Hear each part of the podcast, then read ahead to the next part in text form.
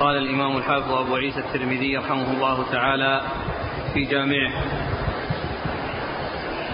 قال رحمه الله تعالى باب ما جاء في الرجل يسلم وعنده عشر نسوة.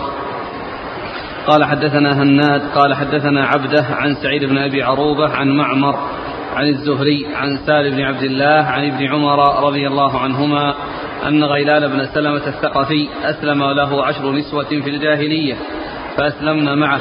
فأمره النبي صلى الله عليه وسلم أن يتخير أربعا منهن. قال أبو عيسى هكذا رواه معمر عن الزهري عن سالم عن أبيه. قال وسمعت محمد بن إسماعيل يقول هذا حديث غير محفوظ والصحيح ما روى شعيب بن أبي حمزة وغيره عن الزهري.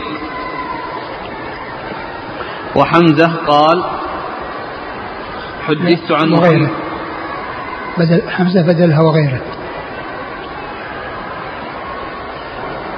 شعيب بن أبي حمزة وحمزة شعيب بن أبي حمزة وغيره.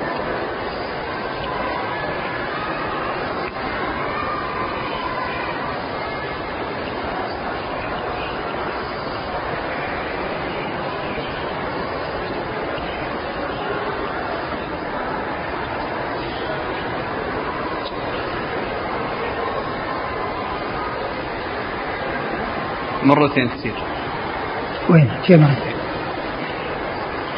ما روى شعيب بن أبي حمزة وغيره. أيوه. عن الزهري. نعم.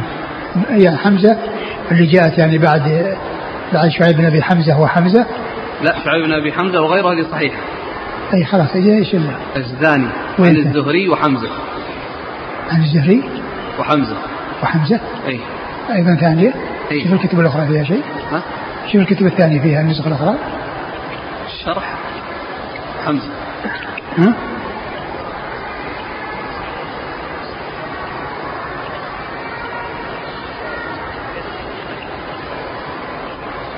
لغيرها ما في. نعم. عن الزهري فقط. وحمزة أين؟ هذه السماهي ما في. اين ها؟ اين ما في حمزة. والصحيح ما روى شعيب بن أبي حمزة وغيره عن الزهري. قال حدثت عن محمد بن سويد الثقفي أن غيلان بن سلمة أسلم وعنده عشر نسوة. قال محمد وإنما حديث الزهري عن سالم عن أبيه أن رجلا من ثقيف طلق نساءه فقال له عمر لتراجعن نساءك أو لأرجمنك لأرجمن قبرك كما رجم قبر أبي رغال. قال أبو عيسى والعمل على حديث غيلان بن سلمة عند أصحابنا منهم الشافعي وأحمد وإسحاق. بسم الله الرحمن الرحيم. الحمد لله رب العالمين وصلى الله وسلم وبارك على عبده ورسوله محمد وعلى آله وأصحابه أجمعين أما بعد. فيقول الإمام أبو عيسى الترمذي رحمة الله رحمة الله رحمة الله تعالى عليه في جامعة باب رجل يسلم وتحته عشر نسوة. يعني ما ما الحكم؟ هل يفارق هل يفارق ما بعد الرابعة؟ أو أنه يختار منهن ما يشاء من هذه العشر ويفارق الباقي؟ آه والحكم في ذلك ما ما اورده ما جاء في هذا الحديث في قصة غيلان غيلان الثقفي. آه أنه أسلم وتحته عشر نسوة. فالنبي صلى الله عليه وسلم أمره أن يختار أربعا منهن وأن يفارق الباقي لأن هذه الشريعة ليس فيها زيادة على الأربع. كما قال الله عز وجل فانكحوا ما طاب لكم من النساء مثنى وثلاثة ورباع. يعني اثنتين أو ثلاثا أو اربعه ولا يتجاوز الرابعة. فلما أسلم وعنده هذه العشر ولا يمكن أن يبقى لأن الإسلام ليس فيه إلا أربع فأرشده النبي صلى الله عليه وسلم إلى أن يختار منهن اربعا ويعني ويفارق الباقي. فدل هذا على أن أن الحكم في ذلك هو الاختيار لأن الذي حصل في الجاهلية لا ينظر فيه إلى التقديم والتأخير. وأن التي هي الأولى أولى والثانية والثالثة والرابعة هي التي تكون معه. ومن جاءت بعد ذلك فإنه يفارقها وإنما يختار من هذه العشر. لأن هذا حكم جاهلي وحصل الزواج بهذا العدد في الجاهلية والإسلام منع الزيادة على أربع فإذا الإنسان يختار. وهذا بخلاف ما يحصل في الإسلام لو أن لو أنه حصل يعني آه، خطأ أن عقد على واحدة يعني خامسة وتبين أنها أخت من الرضاعة أو أن يعني أو أن فيه يعني آه، آه، فتكون يعني فإن الحكم يكون للأخيرة ولا يكون لأن يختار من الخمس يعني واحدة وإنما يلغو زواج الأخيرة وتكون الأربع هي التي تبقى في عصمته. بل لو أن بل, بل لو أنه كان عنده أربع وطلق واحدة منهن فليس له أن يتزوج بدلا منها إلا إذا خرجت من العدة إلا إذا خرجت الرابعة التي طلقها من العدة. ولا يجوز له أن يتزوجها في العدة يتزوج أخرى في العدة لأنه لأنه يكون عنده خمس نسوة لأن التي في العدة زوجة التي في العدة زوجة. ولا يجوز له أن يتزوج بدل الرابعة التي طلقها إلا إذا خرجت الرابعة المطلقة من العدة. فعند ذلك يجوز له أن يتزوج بدلا منها. ولو تزوج بدل الرابعة والرابعة لم تخرج من العدة يكون جمع بين خمس من النسوة وهذا لا يجوز. والحكم إنما هو في مفارقة المتأخر وعدم صحة زواج المتأخرة وتكون الزوجات اللاتي موجودات من قبل هن اللاتي لهن البقاء في عصمته. آه، حديث قصة غيلان الدمشقي آه، غيلان الثقفي الذي أسلم وتحته هذه عشر نسوة خيره النبي صلى الله عليه وسلم فكان الحكم هو الاختيار.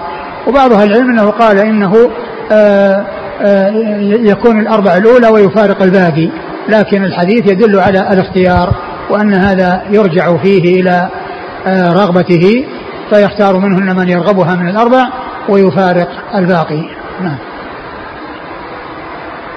قال حدثنا هناد. هناد بن السري ثقة أخرجه البخاري في خلق أفعال عباده ومسلم وأصحاب السنة. عن عبده. عبد بن سليمان ثقة أخرجه أصحاب الكتب الستة. عن سعيد بن أبي عروبة. سعيد بن أبي عروبة ثقة أخرجه أصحاب الكتب الستة. عن معمر. معمر بن راشد ثقة أخرجه أصحاب الكتب الستة. عن الزهري. الزهري محمد بن مسلم بن عبيد الله ثقة, ثقة أخرجه أصحاب الكتب الستة. عن سالم بن سالم بن عبد الله وهو ثقة فقيه أخرجه أصحاب الكتب الستة. عن ابن عمر. عن عبد الله بن عمر رضي الله تعالى عنهما وهو أحد العباد الأربعة من الصحابة وأحد السبعة وأحد السبعة المكثرين حديث رسول الله صلى الله عليه وسلم. قال أبو عيسى هكذا رواه معمر عن الزهري عن سالم عن أبيه وسمعت محمد بن إسماعيل يقول هذا حديث غير محفوظ. والصحيح ما روى شعيب بن أبي حمزة. شعيب بن أبي حمزة ثقة أخرجه أصحاب الكتب الستة. وغيره عن الزهري قال حدثت عن محمد بن سويد الثقفي. محمد بن سويد الثقفي هو؟ مجهول أخرجه الترمذي. مجهول أخرجه الترمذي وأيضا آه، فيه انقطاع لأن قول حدثت يعني معناه فيه واسطة. نعم ففيه انقطاع وفيه إرسال نعم. والمرسل مجهول. نعم. عن محمد بن سويد ثقة بأن غيلان بن سلمة أسلم وعنده عشر نسوة وقال محمد وإنما حديث الزهري عن سالم عن أبيه أن رجلا من ثقيف طلق نساءه فقال له عمر لتراجعن نساءك أو لأرجمن قبرك كما رجم قبر أبي رغال.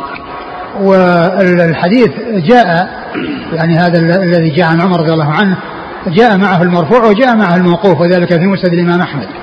يعني كونه نفسه غيلان ثقفي آه، الرسول صلى الله عليه وسلم خيره ثم إنه في زمن عمر آه، حصل منه ان طلق نساءه وقسم ماله على أولاده. قسم ماله على أولاده فأنكر عليه ذلك عمر وقال إن وقال إن وقالوا إن هذا فيه آه، آآ آه، موافقة لما كان في الجاهلية من حرمان النساء من الميراث. من حرمان النساء من الميراث. فيعني منعه من ذلك عمر وقال لا إيش؟ لا لا. لتراجعن نساءك أو لأرجمن قبرك كما رجم قبر أبي رغال. نعم لتراجعن نساءك يعني فلا يعني يحصل لهن الحرمان من الميراث و وأولى أرجمن قبلك قبرك كما رجم قبر أبي رغال. وأبي رغال يعني كان يعني في الجاهلية وكان في الحرم ولما خرج منه يعني هلك فدفن وكان قيل أنه آه، يؤذي الحجاج وأنه كذا فصاروا يرمون قبره إذا مروا به لما يعرفون من عذاب. نعم. قال أبو عيسى والعمل على حديث غيلان بن سلمة عند أصحابنا منهم الشافعي وأحمد وإسحاق.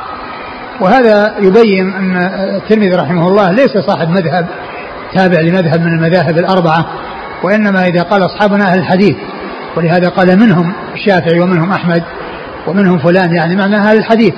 وكلمة أصحابنا عندما يقولها يريد بها أصحاب أصحابنا أهل الحديث. وقد مر ذلك في مواضع عديدة وهذا مما يبين أنه ليس آه، متبعا لمذهب معين أو مقلدا لمذهب معين بل قد جاء في ما مضى أنه آه، ذكر أنكر قولا يعني نسب إلى الشافعي قال عند أصحابنا ثم ذكر الشافعي أو ذكر قوله وأنكر ورد ورد قول الشافعي. وهذا ليس شأن المتبع للمذهب أو المقلد للمذهب. والحاصل أن الترمذي رحمه الله عندما يقول أصحابنا يقصد أهل الحديث ولهذا قال منهم الشافعي ومنهم أحمد. أي أهل الحديث؟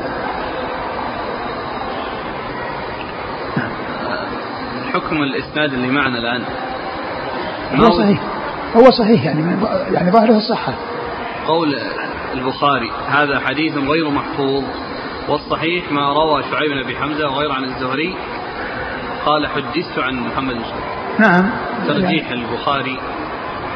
آه، هو جاء في حديث آخر كما قلت لكم في المسند فيه الجمع بين الأمرين. يعني فيه هذا وفيه هذا. قال رحمه الله تعالى باب ما جاء في الرجل يسلم وعنده أختان.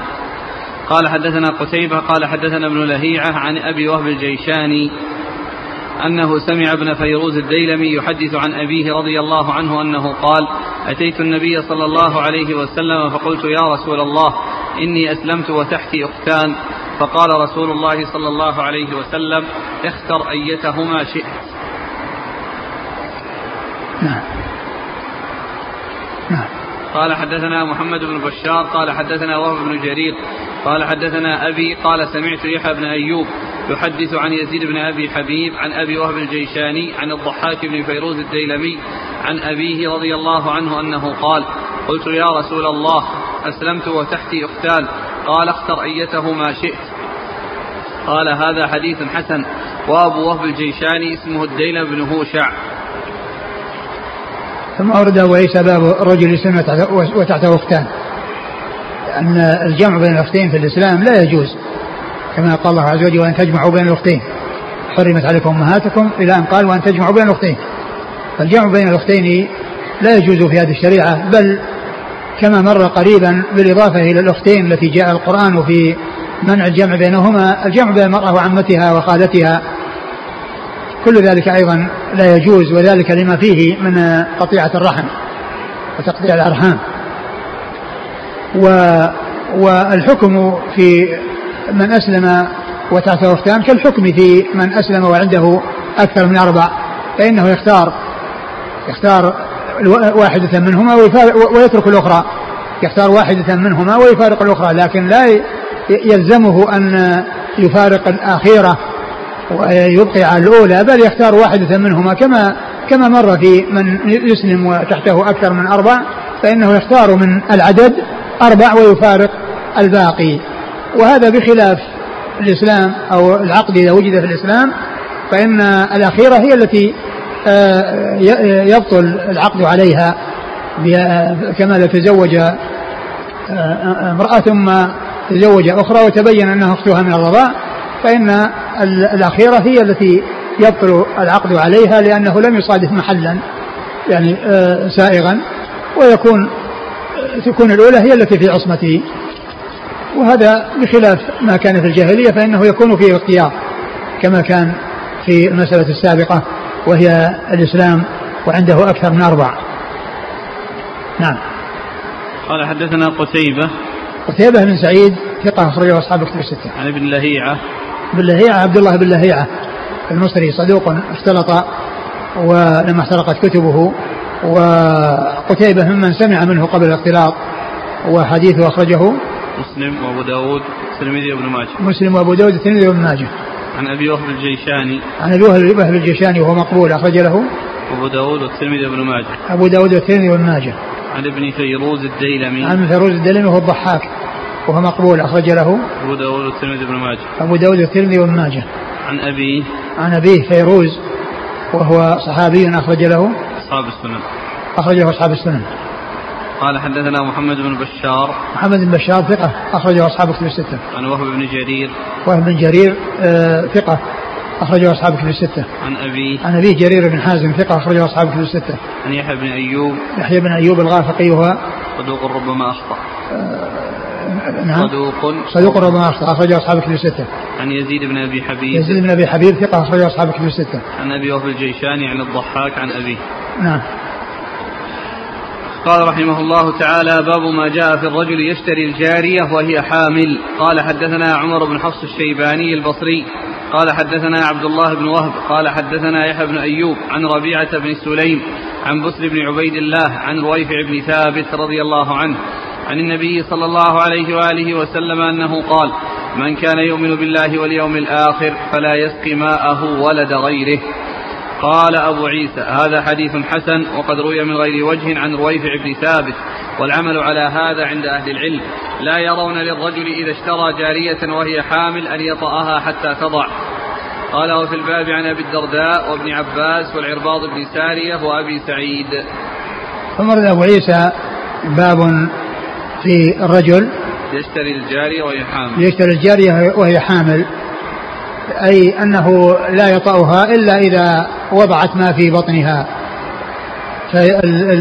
فالجارية التي آه، آه، تنتقل إليه يعني والتي يملكها يعني آه، فإنه لا بد من استبراء رحمها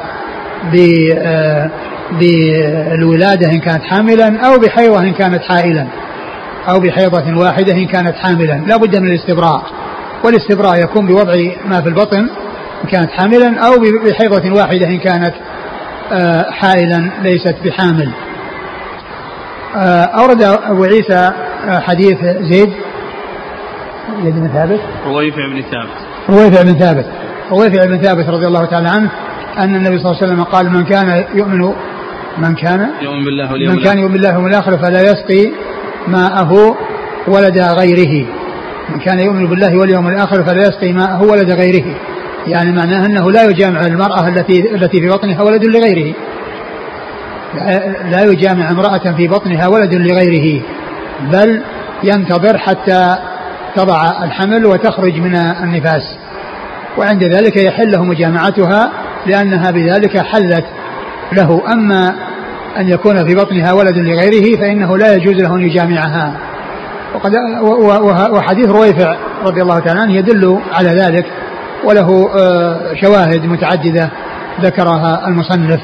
والحاصل أن المرأة ال ال ال الأمة عندما تدخل في ملك الإنسان إن كانت حاملا فإنها تترك حتى تلد وإن كانت حائلا فإنها تستبرأ بحيضة واحدة. نعم. قال حدثنا عمر بن حفص الشيباني البصري عمر بن حفص الشيباني البصري ثقة صدوق صدوق أخرجه الترمذي عبد الله بن وهب عبد الوهاب عبد الله بن وهب المصري ثقة أخرجه أصحاب الكتب الستة. عن يحيى بن أيوب عن ربيعة بن سليم. ربيعة بن سليم مقبول مقبول أخرج له الترمذي. الترمذي. عن بصر بن عبيد الله. بصر بن عبيد الله ثقة أخرجه أصحاب الكتب الستة. عن رويفع بن ثابت. عن رويفع بن ثابت رضي الله عنه أخرج حديثه. قال في المفرد أبو داود الترمذي والنسائي. البخاري في المفرد وأبو داود والترمذي والنسائي. قال أبو عيسى هذا حديث حسن قد روي من غير وجه عن رويفع بن ثابت والعمل على هذا عند أهل العلم لا يرون للرجل إذا اشترى جارية وهي حامل أن يطأها حتى تضع قال وفي الباب عن أبي الدرداء أبي الدرداء آه، آه، أخرج حديث أصحابك في الستة. وابن عباس. وابن عباس عبد الله بن عباس أحد المكثرين من حديث رسول الله صلى الله عليه وسلم. والعباض بن سارية. والعباض بن سارية أخرج حديثه أصحاب السنن. وأبي سعيد. أبو سعيد الخدري من أكثر رواية عن رسول الله صلى الله عليه وسلم. قال رحمه الله باب ما جاء في الرجل يسبي الأمة ولها زوج. هل يحل له أن يطأها؟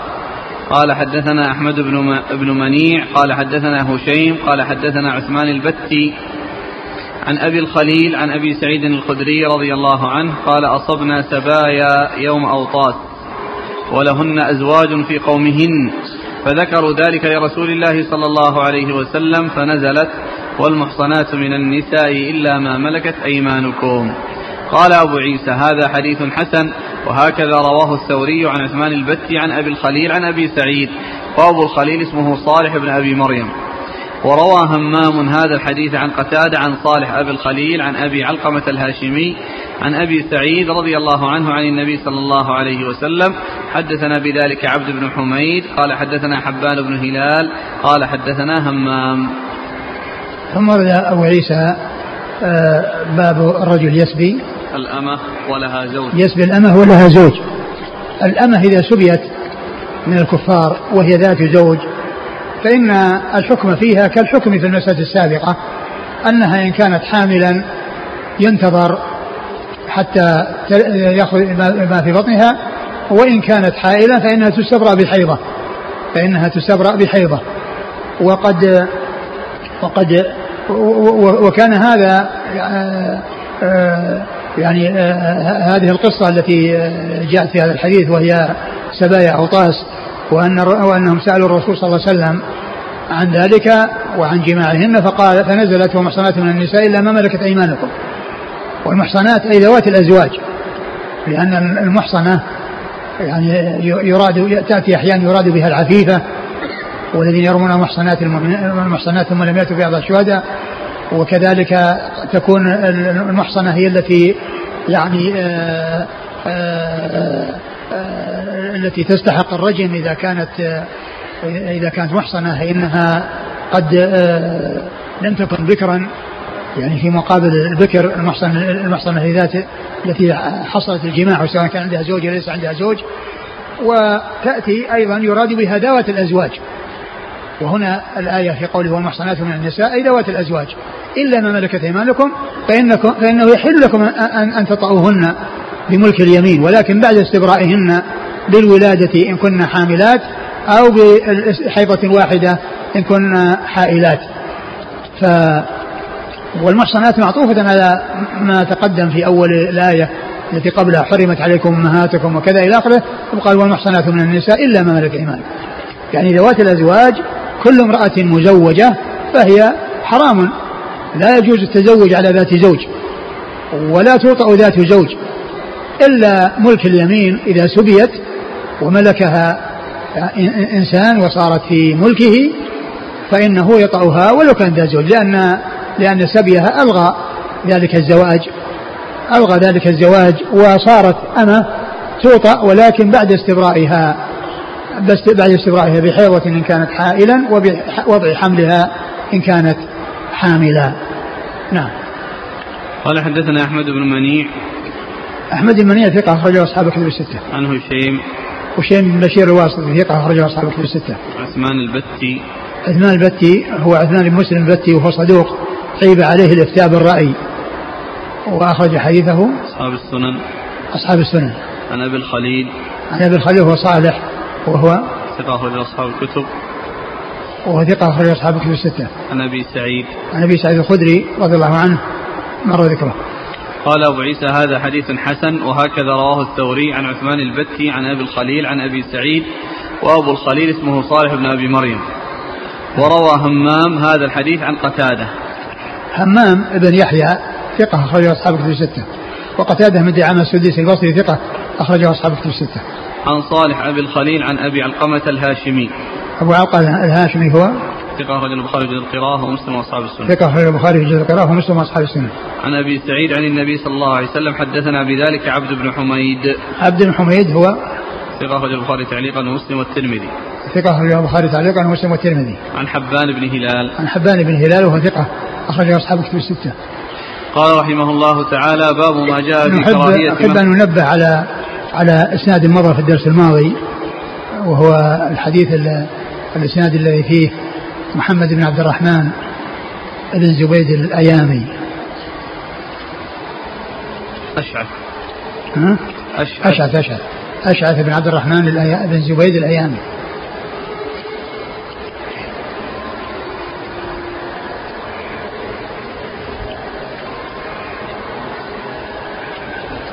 الذي في الإسناد صحيح وليس فيه تصحيح كما توهمنا في الدرس الماضي.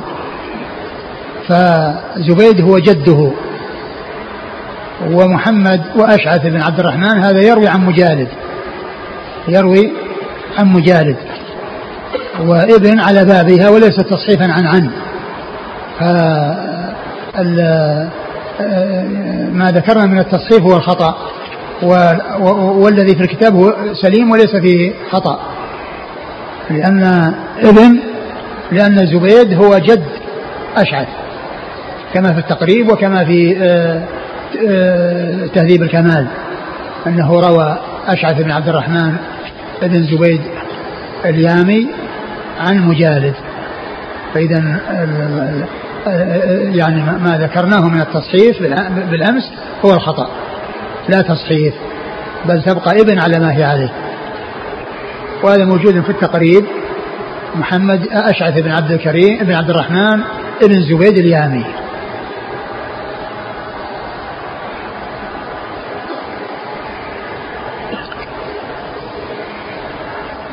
وأمر آخر أنبه عليه سبق أننا عندما جاء عندما كنا في حديث الموت يوم الجمعة.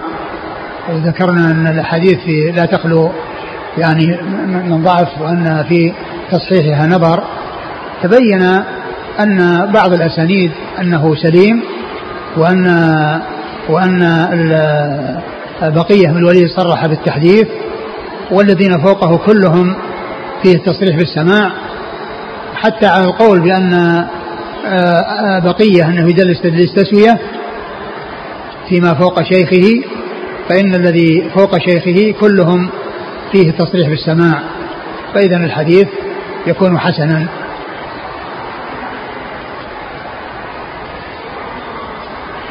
والحديث مسند الإمام أحمد في تحقيق الشيخ محمد شاكر برقم 7050 7050 الذي في بقية يصرح بالتحديث وكل الذين فوقه صرحوا بالسماع.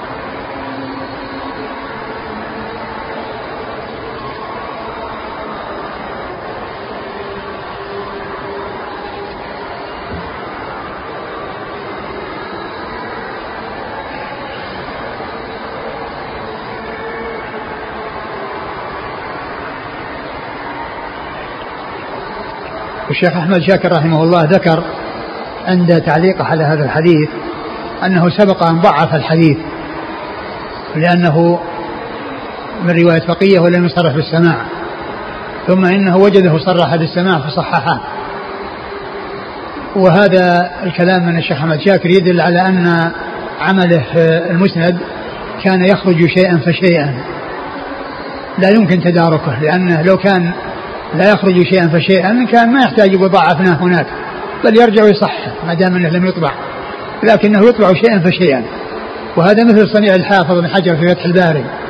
فإن آه، عمله في الفتح يخرج شيئا فشيئا. ولهذا عندما يأتي شيء متأخر يستدركه فيما مضى قال يعني ينبغي أن يصحح هناك. ينبغي أن يصحح هناك. يعني فيما مضى. يعني الذي آه، يعني حصل فيه خطأ.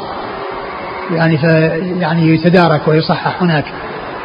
لأن الشيخ لأن الحافظ بن حجر كان يعني يخرج آه، الكتاب في كراريس وتنتشر تذهب لا تبقى بيده. يعني معناه بحيث إنه يصحح ويخرج متكاملا صحيحا من أوله إلى آخره.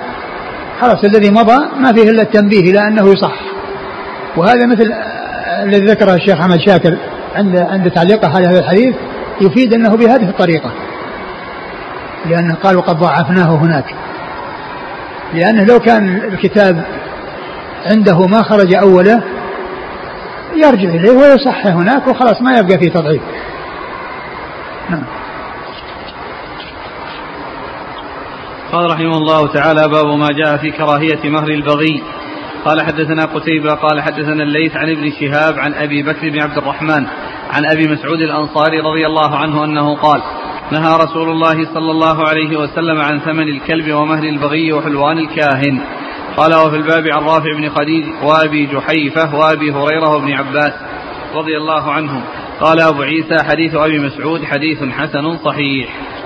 فمرد أبو عيسى باب كراهية مهر البغي. يعني تحريم لأن الكراهية المقصود بها التحريم. ومهر البغي هو ما تعطاه في مقابل الزنا وفي مقابل الفحش بها. يعني هذا هو المقصود بمهر البغي يعني ما تعطى في مقابل آه، الزنا. وكذلك أيضا حلوان الكاهن ما يعطاه في مقابل الكهانة. ما يعطاه في مقابل الكهانة. كل ذلك لا يجوز. وكذلك ثمن الكلب. يعني لا يجوز بيعه ولا شراءه.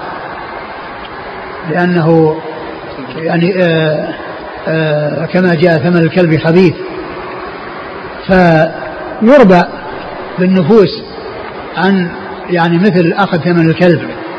وأما وإذا استغنى الإنسان عن الكلب يتركه. إذا كان آه، أخذه لحاجة ثم استغنى عنه يتركه ما يبيعه ويأخذ ثمنه. وأما آه، مهر البغي وحلوان الكاهن فإن ذلك حرام في مطلقة لا يجوز أن يعني لا يجوز الزنا ولا يجوز التكفن ولا وما يدفع آه، للكاهن ويدفع للبغي كل ذلك حرام كل ذلك حرام. الزنا حرام والكهانة حرام وكل ما يدفع في مقابل التكهن وفي مقابل الزنا كل ذلك حرام. وأما الكلب فاستعماله مباح في حدود ما ورد الشرع به ولكنه إذا آه، آه، آه، صار عند الإنسان كلب واستغنى عنه فإنه يرسله أو يعطيه لمن يستفيد منه. أما أن يبيعه ويأخذ ثمن فهذا جاء هذا الحديث عن الصحابي من هو؟ أبي مسعود الأنصاري. عن عن أبي مسعود الأنصاري رضي الله تعالى عنه أن النبي صلى الله عليه وسلم نهى عن ذلك. فلا يعني نهى عن ثمن الكلب وعن مهر البغي وعن حلوان الكاهن. و الكهانة يعني هي ادعاء الإخبار بالمغيبات أو إخبار بالمغيبات فلا يجوز الذهاب إلى الكهان ولا يجوز أن يأخذوا شيئا من المال لأن كل ذلك حرام. الكهانة حرام وأخذ شيء في مقابلها حرام. نعم. قال حدثنا قتيبة عن الليث. قتيبة بن سعيد ثقة أخرجه أصحابك في الستة والليث بن سعد. نعم. عن ابن شهاب عن أبي بكر بن عبد الرحمن. أبي بكر بن عبد الرحمن بن الحارث بن هشام ثقة أخرجه أصحابه في الستة. عن أبي مسعود الأنصاري. عن أبي مسعود عقبة بن عمرو الأنصاري رضي الله عنه أخرج حديثه أصحابه في الستة. قال وفي الباب عن رافع بن خديج. رافع بن خديج أخرج حديثه أصحابه في الستة. وأبي جحيفة. وأبي جحيفة وهب بن عبد الله السوائي. أخرج حديثه اصحابه في الستة. وابي هريرة وابن عباس. نعم. قال حديث أبي مسعود حديث حسن صحيح. نعم. ثمن الكلب يسأل الإخوة من أي أنواع الكلاب؟ جميع الكلاب. يقولون كلاب الصيد تكون لها أثمان غالية بسبب التدريب والتمرين على الصيد. الإنسان إذا لا يشتريها ولكنه إذا دربها وعلمها واستفاد منها ثم استغنى عنها يعطيها لغيره دون أن يبيعها. لأن الحديث يعني يشمل جميع الكلاب.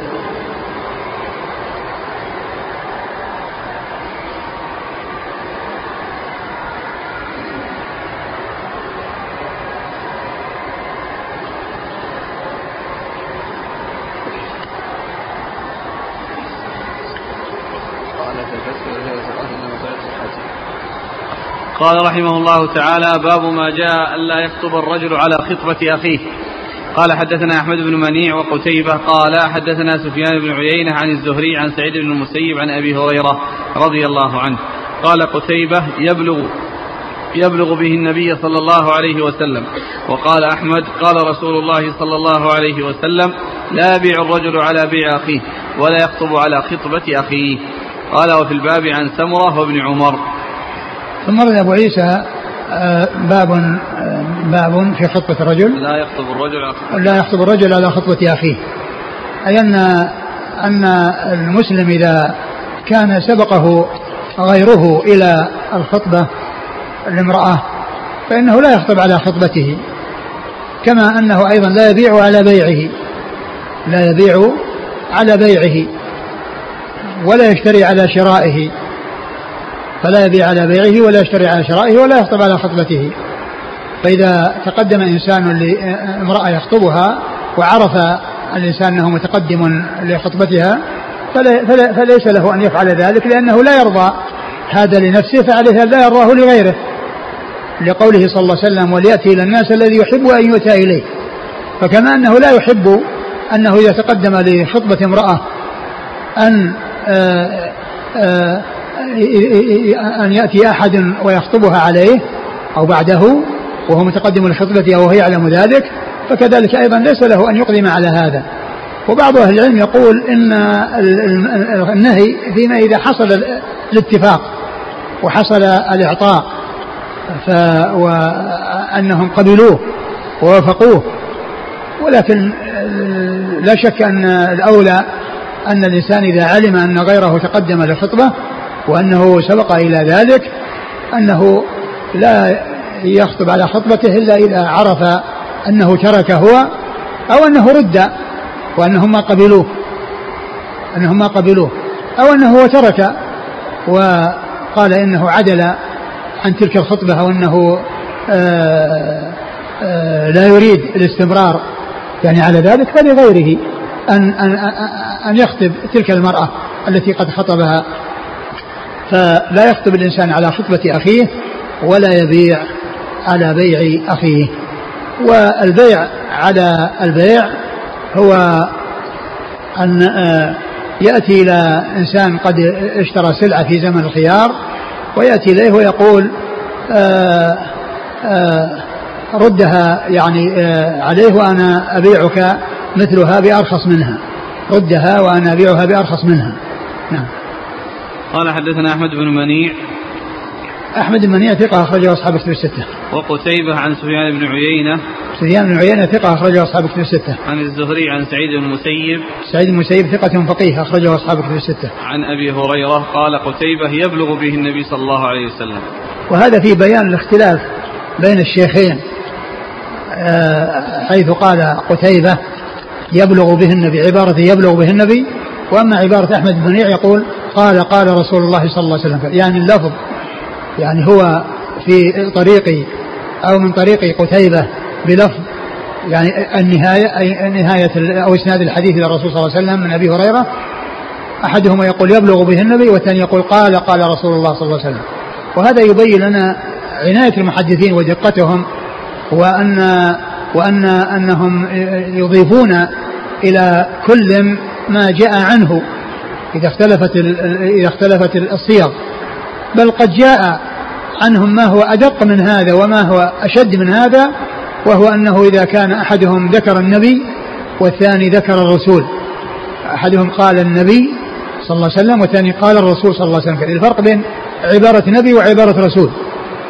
ومؤداهما واحد لكن هذا كله العناية. العناية بالألفاظ وبالشيء الذي سمعوه يأتون به كما هو. نعم قال وفي الباب عن سمرة سمرة بن جندب أخرج حديثه أصحاب كتب الستة. وابن عمر. وابن عمر عبد الله بن عمر مر ذكره. قال أبو عيسى حديث أبي هريرة حديث حسن صحيح. قال مالك بن أنس إنما معنى كراهية أن يخطب الرجل على خطبة أخيه إذا خطب الرجل المرأة فرضيت به فليس لأحد أن يخطب على خطبته. نعم. وقال الشافعي معنى هذا الحديث لا يخطب الرجل على خطبة أخيه هذا عندنا إذا خطب الرجل المرأة فرضيت به وركنت إليه. نعم هذا أمره واضح ولكن أيضا مثله مثله كون الإنسان تقدم وعلم بأن الإنسان متقدم فذهب يخطب وهو يعرف أنه متقدم. فإن فإنه لا يرضى لنفسه هذا فلا يرضى هذا لغيره نعم قال فليس لأحد أن يخطب على خطبته فأما قبل أن يعلم رضاها أو ركونها إليه فلا بأس أن يخطبها. قال إيش؟ أما؟ فأما قبل أن يعلم رضاها نعم. أو ركونها إليه نعم. فلا بأس أن يخطبها. اي نعم. يعني هذا على الذي ذكرته ان ان ان أنه يعني حتى يعني آه آه أنه قبل ذلك يعني آه قال إيش؟ وأما؟ وأما؟ فأما قبل أن يعلم رضاها أو ركونها إليه نعم. فلا بأس أن يخطبها. يعني هذا مفهوم هذا مفهوم الكلام الأول الذي ذكره ولكن الذي يبدو والله أعلم أنه لا ينبغي الإنسان أن يخطبها إلا إذا ترك الأول أو رد. نعم. والحجة في ذلك حديث فاطمة بنت قيس رضي الله عنها حيث جاءت جاءت النبي صلى الله عليه وسلم فذكرت له أن أبا جهل بن حذيفة ومعاوية بن أبي سفيان رضي الله عنهما خطباها. فقال أما أبو جهم فرجل لا يرفع عصاه عن النساء وأما معاوية فصعلوك لا مال له ولكن انكحي أسامة. فمعنى هذا الحديث عندنا والله أعلم أن فاطمة لم تخبره برضاها بواحد منهما. ولو أخبرته لم يشر عليها بغير الذي ذكرت أه حديث فاطمة بنت قيس رضي الله تعالى عنها التي أه أه طلقها زوجها يعني آخر تطليقة وخرجت من العدة فخطبت فجاءت تستشير رسول الله صلى الله عليه وسلم في اللذين خطباها وهما معاوية بن أبي سفيان وأبو الجهم رضي الله تعالى عنهما. فالرسول صلى الله عليه وسلم بين أن كل واحد منهما فيه شيء لا يعجب النساء ولكنه اقترح عليها أن تتزوج أسامة بن زيد. و ومعلوم أن يعني هذان اللذان خطباها. ما يعرف آه، يعني أن كل واحد منهما أن أحدهما خطب على الآخر. يعني كل واحد ما يعرف شيئا عن الآخر. يعني مو معنى ذلك أن أحدهما درى ثم جاء بعده يخطبه ويعلم بل هذا خطب وهذا خطب وكل واحد لا يعرف عن الآخر شيئا. وجاءت تستشير في هذين الذين خطبها أيهما أيهما تقدم. لأنه ما خطبها واحد خطبها اثنان وهي محتارة. أيهما أولى بالاختيار؟ فاستشارت النبي صلى الله عليه وسلم فأشار عليها بثالث أشار عليها بثالث وذكر آه، ما في آه، آه، الذين تقدم لخطبته. أما هذا صعلوك لا مال له وأما هذا فكان شديدا على النساء. نعم. قال رحمه الله والحجة في ذلك حديث فاطمة بنت قيس حيث جاءت النبي صلى الله عليه وسلم فذكرت له أن أبا جهل بن حذيفة ومعاوية بن أبي سفيان خطباها فقال أما أبو جهم فرجل لا يضع عصاه عن النساء وأما معاوية فصعلوك لا مال له ولكن انكحي أسامة. فمعنى هذا الحديث عندنا والله أعلم أن فاطمة لم تخبره برضاها بواحد منهما ولو أخبرته لم يشر عليها بغير الذي ذكرت. نعم هذا هو يعني آه هي تستشيره. ولا تعلم يعني لم لم لم تعلم لم ترضى بواحد منهما. لم ترضى بواحد منهما ولكنها استشارته استشارته في أيهما. فالرسول صلى الله عليه وسلم ذكر ما فيهما وأشار عليها بمن يرى أنه أنه أولى من غيره وهو أسامة بن زيد. فتزوجته واغتبطت به. نعم. فإشارة النبي صلى الله عليه وسلم بأسامة خطبة على خطبتين. لا ما هي خطبة على خطبة لأنها استشارت والرسول صلى الله عليه وسلم بين لها ما في هذا وفي هذا وأرشدها أو أشار عليها بأن تنكح. يعني هو ما ما ما ما خطب ما خطب لأسامة ولكنه أرشدها إلى أن تتزوج أسامة لأن الاثنين اللذين خطباها فيهما هذا الذي ذكره عنهما. قال حدثنا محمود بن غيلان قال حدثنا أبو داود قال أنبانا شعبة قال أخبرني أبو بكر بن أبي الجهم قال دخلت أنا وأبو سلمة بن عبد الرحمن على فاطمة بنت قيس رضي الله عنها فحدثتنا أن زوجها طلقها ثلاثا ولم يجعل لها سكنى ولا نفقة قالت ووضع لي عشرة أقفزة عند ابن عم له خمسة شعيرا وخمسة برا قالت فأتيت رسول الله صلى الله عليه وسلم فذكرت ذلك له قالت فقال صدق قالت فأمرني أن أعتد في بيت أم شريك ثم قال لي رسول الله صلى الله عليه وآله وسلم إن بيت أم شريك بيت يغشاه المهاجرون ولكن اعتدي في بيت ابن أم مكتوم. ثيابك ولا يراك. فإذا انقضت عدتك فجاء أحد يخطبك يخطبك فآذنيني. فلما انقضت عدتي خطبني أبو جهم ومعاوية. قالت فأتيت رسول الله صلى الله عليه وسلم فذكرت ذلك له. فقال أما معاوية فرجل لا مال له وأما أبو جهم فرجل شديد على النساء. قالت فخطبني أسامة بن زيد. فتزوجني فبارك الله لي في أسامة. هذا حديث صحيح قد رواه سفيان الثوري عن أبي بكر بن أبي الجهم نحو هذا الحديث وزاد فيه. فقال لي النبي صلى الله عليه وسلم انكحي أسامة. قال حدثنا محمود قال حدثنا وكيع عن سفيان عن أبي بكر بن أبي الجهم بهذا. ثم أورد وليس حديث فاطمة بنت قيس. وفيه أن أن أسامة خطبها. أن أسامة نفسه خطبها فالرسول صلى الله عليه وسلم أشار يعني عليها به وبين في ما في الأول والثاني مما لا يناسب النساء. وفاطمة رضي الله عنها تقول إن أن زوجها كان آه، طلقها ثلاثا وقيل إنها آخر تطليقة بقيت له وهي الثالثة فطلقها تلك التطليقة التي بقيت فبانت منه.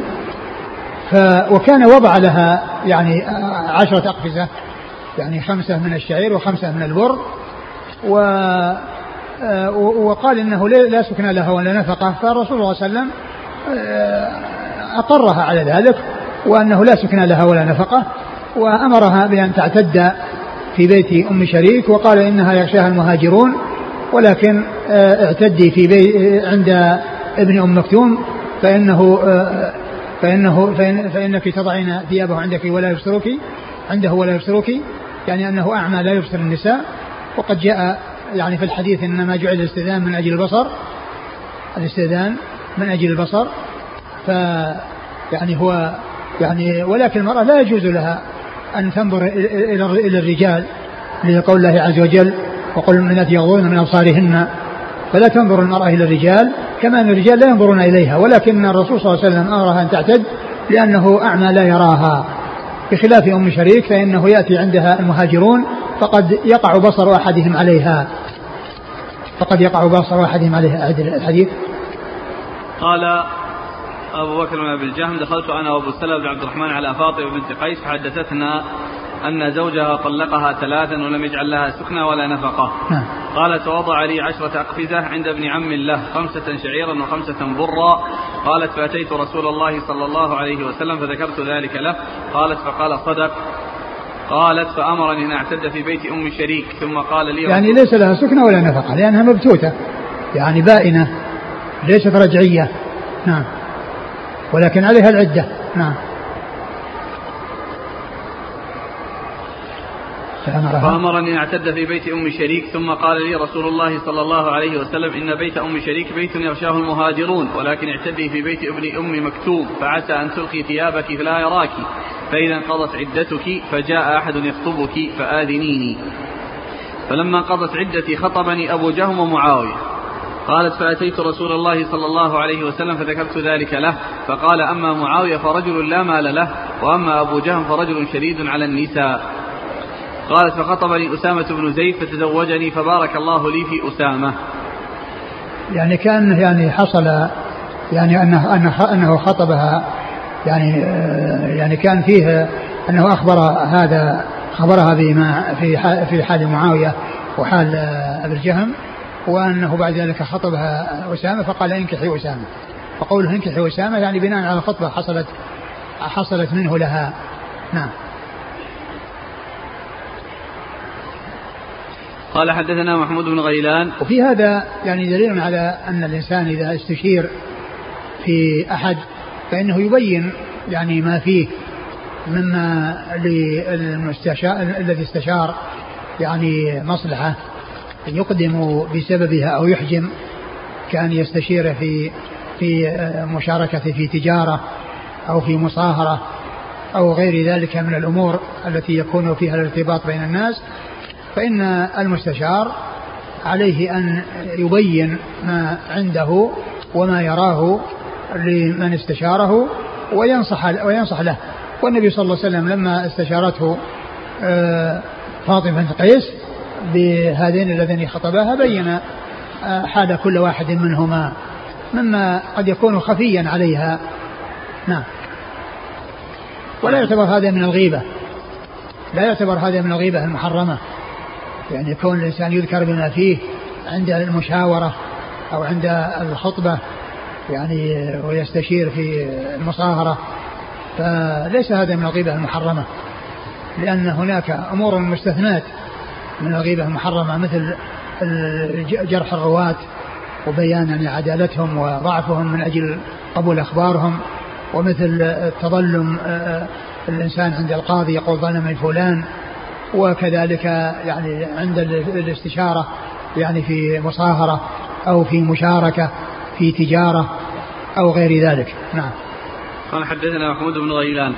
محمود بن محمود بن غيلان ثقة أخرجه أصحابه في الستة إلا أبا داود. عن أبي داود. عن أبي داود الطيالسي وهو سليمان بن داود ثقة أخرجه البخاري تعليقا ومسلم وأصحاب السنن. عن شعبة. عن شبه بن الحجاج الواسطي ثقة أخرجه أصحابه في الستة. أبي بكر بن أبي الجهم. أبي بكر بن أبي الجهم وهو؟ ثقة أخرج البخاري في جزء القراءة ومسلم والترمذي والنسائي بن ماجه. ثقة أخرج البخاري في جزء القراءة ومسلم والترمذي وابن ماجه. والنسائي. والنسائي.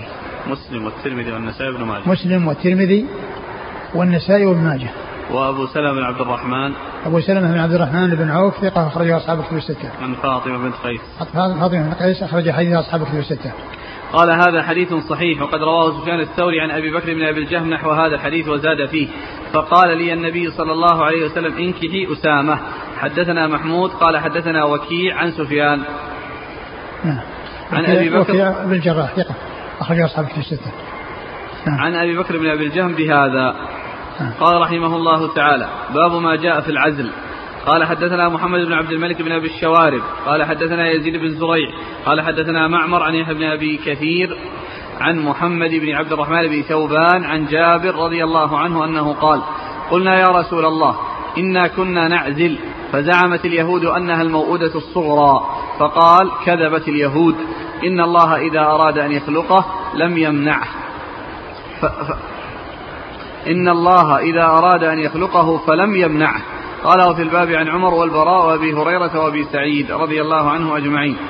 قال حدثنا قتيبة بن أبي عمر. قال حدثنا سفيان بن عيينة عن عمرو بن دينار عن عطاء عن جابر بن عبد الله رضي الله عنهما أنه قال كنا نعزل والقرآن ينزل قال أبو عيسى حديث جابر حديث حسن صحيح وقد روي عنه من غير وجه وقد رخص قوم من أهل العلم من أصحاب النبي صلى الله عليه وسلم وغيرهم في العزل. وقال مالك بن أنس تستأمر الحرة في العزل ولا تستأمر الأمة. ثم أرد أبو عيسى باب في العزل. والعزل هو العزل عن النساء بحيث إذا جاء عند الإنزال ينزل خارج الفرج.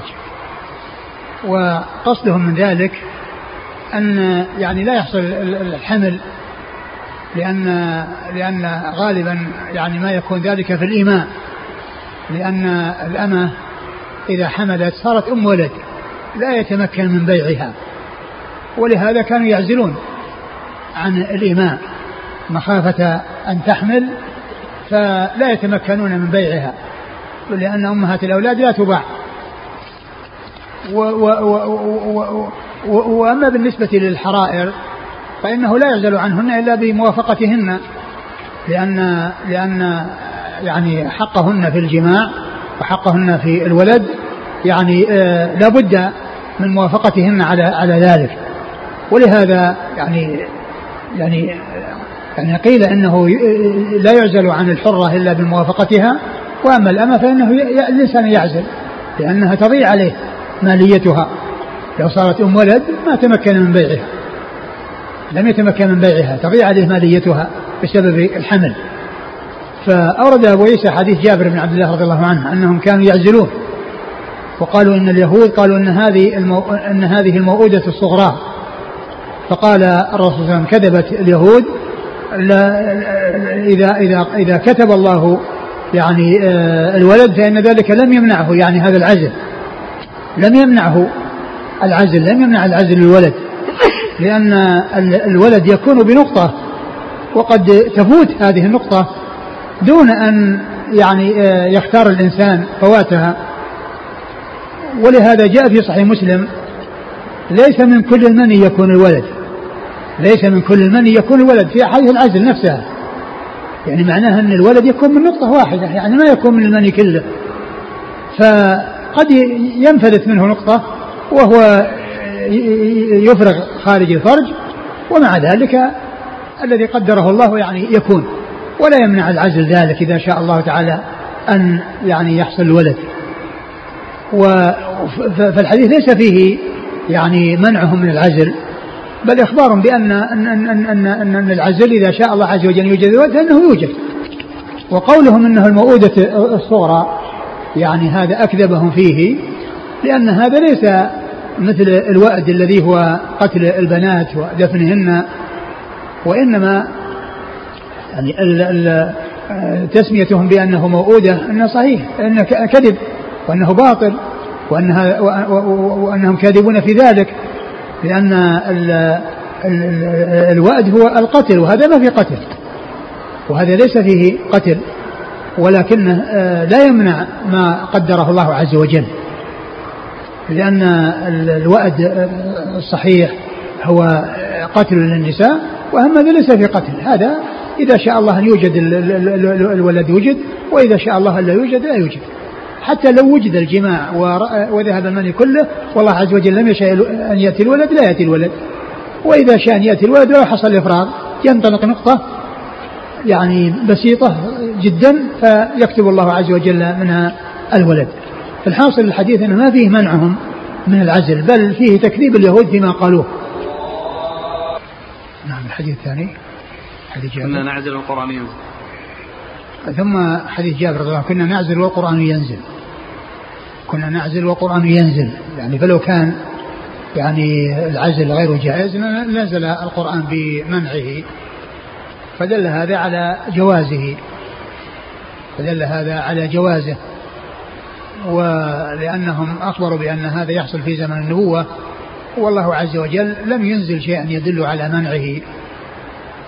لم ينزل شيئا يدل على منعه فدل على أنه جائز وأنه لا بأس به. وإذا قدر الله عز وجل الولد فإنه لا يمنعه العزل. إذا قدر الله الولد فإنه لا يمنعه العزل. ولكن قد يحصل يعني هذا الشيء الذي أرادوه ولكنه ليس بمتحتم أنه لا يمكن. أن يوجد ولد بل يمكن أن يوجد ولد مع العزل كما جاء في يعني في الحديث الذي تقدم وكما في الرواية اللي في صحيح مسلم ليس من كل من يكون الولد. نعم. قال حدثنا أظن في في أظن في الشرح يعني ذكر أظن في بعض الروايات أن الرسول علم بذلك. يعني في كل نازل والقرآن ينزل. أظن ذكر شيء من هذا. أنه علم ولم ينهم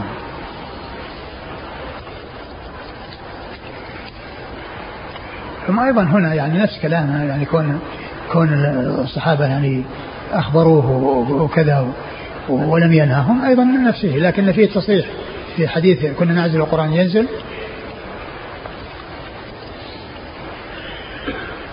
قال فيه الاستدلال بالتقرير من الله ورسوله على حكم الأحكام لأنه لو كان ذلك الشيء حراما لم يقر لم يقر عليه. ولكن بشرط أن يعلمه النبي صلى الله عليه وسلم. وقد ذهب الأكثر من أهل الأصول على ما حكاه في الفتح إلى أن الصحابي إذا أضاف الحكم إلى زمن النبي صلى الله عليه وسلم كان له حكم الرفع. قال لأن الظاهر أن النبي صلى الله عليه وسلم اطلع على ذلك وأقره. ليش؟ لأن الظاهر؟ أن النبي صلى الله عليه وسلم اطلع على ذلك وأقره. نعم، نعم. لتوفر دواعيهم على سؤالهم إياه عن الأحكام. قال وقد وردت عدة طرق تصرح باطلاعه على ذلك. أخرج مسلم من حديث جابر قال كنا نعزل على عهد رسول الله صلى الله عليه وسلم فبلغ ذلك نبي الله صلى الله عليه وسلم فلم ينهنا. قال حدثنا محمد بن عبد الملك بن أبي الشوارب. هو صدوق أخرج له. مسلم والترمذي والنسائي بن ماجه. مسلم والترمذي والنسائي بن ماجه. عن يزيد بن زريع. يزيد بن زريع ثقة أخرجه اصحاب كتب الستة. عن معمر. معمر مر ذكره. عن يحيى بن أبي كثير. يحيى بن أبي كثير اليمامي ثقة أخرجه أصحاب الكتب الستة. عن محمد بن عبد الرحمن بن ثوبان. محمد بن عبد الرحمن بن ثوبان هو ثقة أخرجه أصحاب الكتب. ثقة أخرجه أصحاب الكتب الستة. عن جابر. عن جابر رضي الله عنه وهو أحد المكثرين. حديث رسول الله صلى الله عليه وسلم. قال وفي الباب عن عمر عمر بن الخطاب رضي الله عنه أمير المؤمنين وثاني الخلفاء الراشدين الهادي المهديين صاحب المناقب الجمة والفضائل الكثيرة وحديثه عند أصحاب الكتب الستة. والبراء وأبي هريرة البراء أخرج حديث أصحاب الكتب الستة وأبو هريرة أكثر الصحابة حديثا. وأبي سعيد قال حدثنا قتيبة بن أبي عمر قتيبة مر ذكره هو بن أبي عمر هو العدني صدوق أخرجه مسلم والترمذي والنسائي بن ماجه. عن سفيان بن عيينة عن عمرو بن دينار عمرو بن دينار المكي ثقة أخرجه أصحاب الكتب الستة. عن عطاء عن جابر عطاء بن أبي رباح ثقة أخرجه أصحاب الكتب الستة. قال أبو عيسى حديث جابر حديث حسن صحيح وقد روي عنه من غير وجه وقد رخص قوم من أهل العلم من أصحاب النبي صلى الله عليه وسلم وغيرهم في العزل وقال مالك تستأمر الحرة في العزل ولا تستأمر الأمة نعم. قال باب ما جاء في كراهية العزل قال حدثنا ابن أبي عمر وقتيبة قال حدثنا سفيان بن عيينة عن ابن أبي نجيح عن مجاهد عن قزعة عن أبي سعيد رضي الله عنه أنه قال ذكر العزل عند رسول الله صلى الله عليه وسلم فقال لما يفعل ذلك أحدكم؟ قال أبو عيسى. زاد ابن أبي عمر في حديثه ولم يقل لا يفعل ذاك أحدكم. قال في حديثهما فإنها ليست نفس مخلوقة إلا الله خالقها. قال وفي الباب عن جابر. قال أبو عيسى. حديث أبي سعيد حديث حسن صحيح وقد روي من غير وجه عن أبي سعيد وقد كره العزل قوم من أهل العلم من أصحاب النبي صلى الله عليه وسلم وغيرهم. باب كراهية؟ العزل. باب كراهية العزل.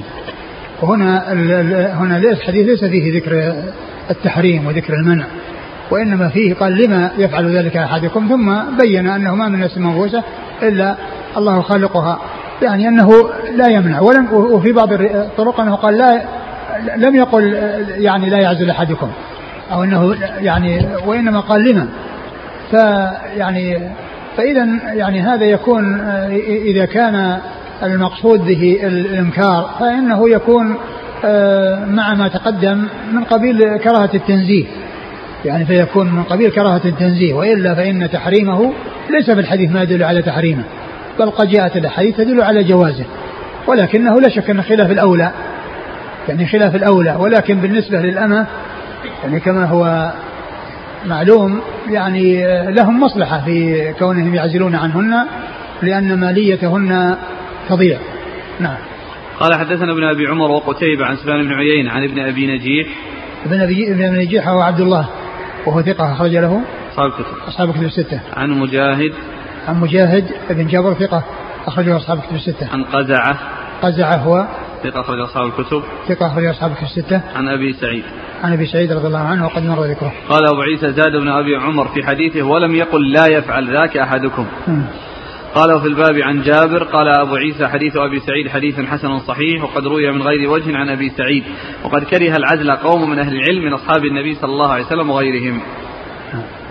انتهى.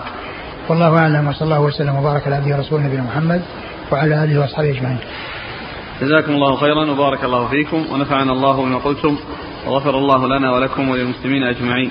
والآن الذي يقوم مقام العزل يعني في هذا الزمان وجود يعني مثل الأدوية التي تكون يعني سببا في عدم الحمل بإذن الله ومثل هذا يعني لا يجوز للمرأة أن تتعاطاه من أجل أنها آه، آه، تقتصر على أولاد معينين.